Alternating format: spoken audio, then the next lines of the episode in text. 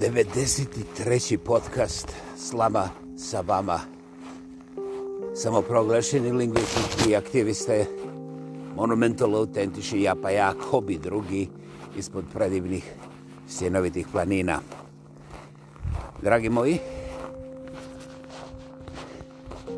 nepregledan je ovaj svijet, a posebna je zanimljivost što kažu ozbiljni astronomi i ljudi koji se bave cijelog života sa tom znanošću i svih mogućih kuteva da koliko god je zrna pjeska da, da, dobro ste čuli, zrna pjeska na ovoj planeti a taj broj je toliko bezobrazan da ga ja ne mogu ni zamisliti ne može mi stati, ono viri mi iz ušiju i lijevo i desno kaže, toliko ima zvijezda u nama poznatom univerzumu, koma, znači zarez, a vjerovatno i znatno više. Meni je to sve teško zamisliti i bez imalo ustrušavanja tvrdim da je to komad informacije koji je teško smjestiti čak i u maštu. Istovremeno, vjerovanje da smo mi jedina inteligentna bića u tome tako nevjerovatno velikom prostoru, heh, je pitanje toga da li je Miško ima dva piva manje ili dva piva više.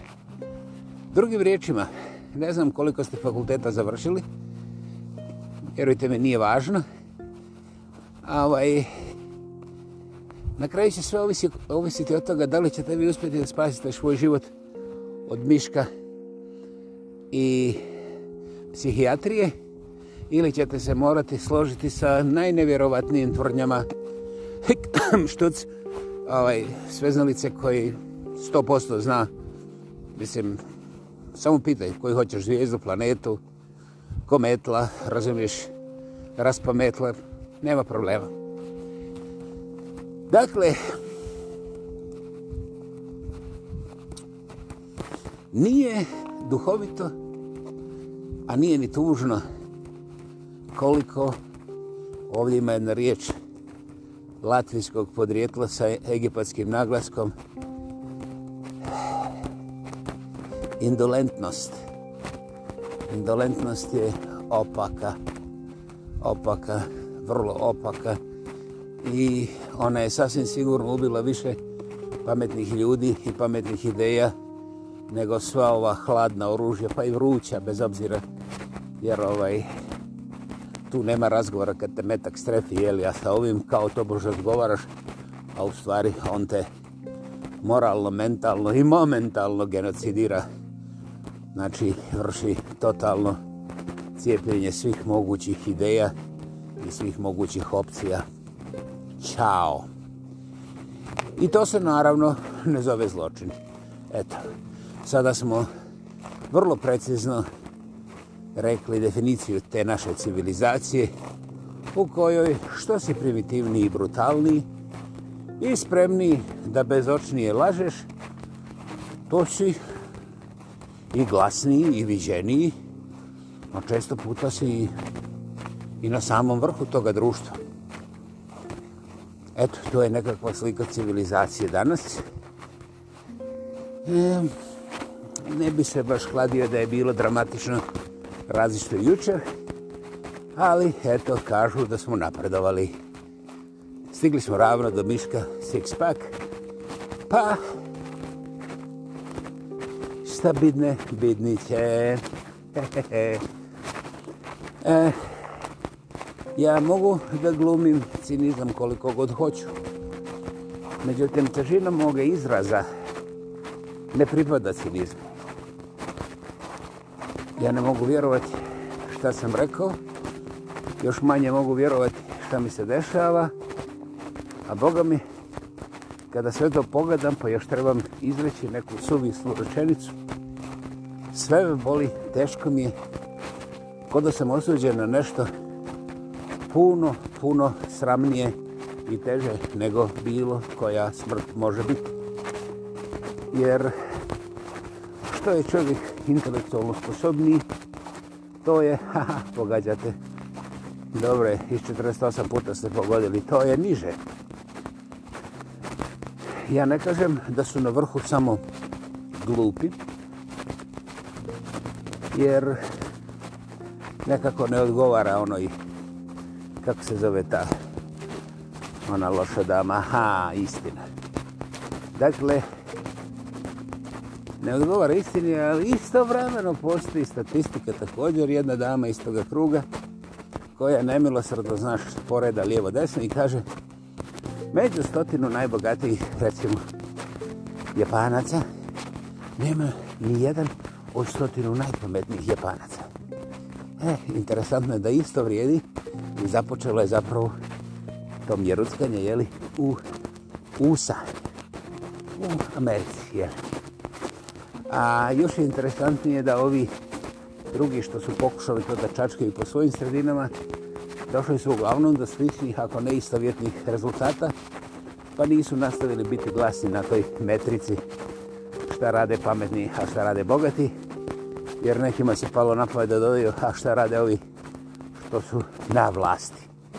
Znaš, i kako ćeš reći ovim na vlasti, da nisu među ovih ili onih sto najboljih jeli, nacionalnih perjanica. Otkud ti to da prođe bez ovih, mislim, upitnika ili barem pitanja sa nekih mjesta. Dakle, kao što vidite, čovečanstvo se ne ljulja. Čovečanstvo je od uvijek smrduckalo na svim tim poveznim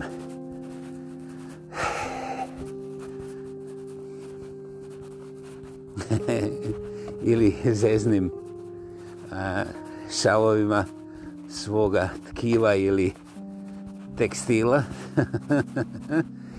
I ovaj, ne da postoje rupe, nego postoje nevjerovatne fatamorgane koje su barem historičnog podrijetla i ovoga nemaju definitivno nikakav respekt za ono u što se kunu, šta je znam, ta nekakva znanja, namjera ili intencije, inteligencije, zaboravite, to je uglavnom sve ovaj, ubjeđivanje. Kad ja imam najveću udicu, ja najviše znam o pecanju. Odmah imamo problem. I to puno veći od te udice, ali i od znanja o pecanju nagradno pitanje je čemu tvrdnja koja je u svom elementarnom tkivu budalasta, besmislena, razorna i ovaj, totalno besmislena, nema, nema, nema svog mjesta ni u jednom prostoru ili moći čovjeka da napreduje, nego pravi nekakve monstrume, nekakve uglavnom iluzorne kreacije s kojima glupost treba nešto objasniti. I to se kao što sami ne želite priznati, ipak neće desiti. Premda, svi mi znamo da se dešava da Trump jednostavno objezuje izbore svaki dan biće i decenijama nakon što su izbori završeni. Um, To je to. To je to, dragi moji.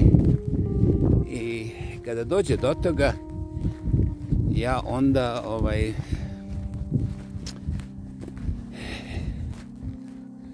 ne da nemam nikakvog znanja, nego ne želim imati nikakve veze sa mjerilima takozvanog realnog svijeta, jer je učinjeno apsolutno sve da realnost realnog svijeta realno ne postoji. Baš je, baš je sve učinjeno. I to na nevjerovatno grub, brutalan i razoran način. Um, mi sve moramo dokazati. Dobro, ja ću jedan dokaz ovdje tresnati. Naime,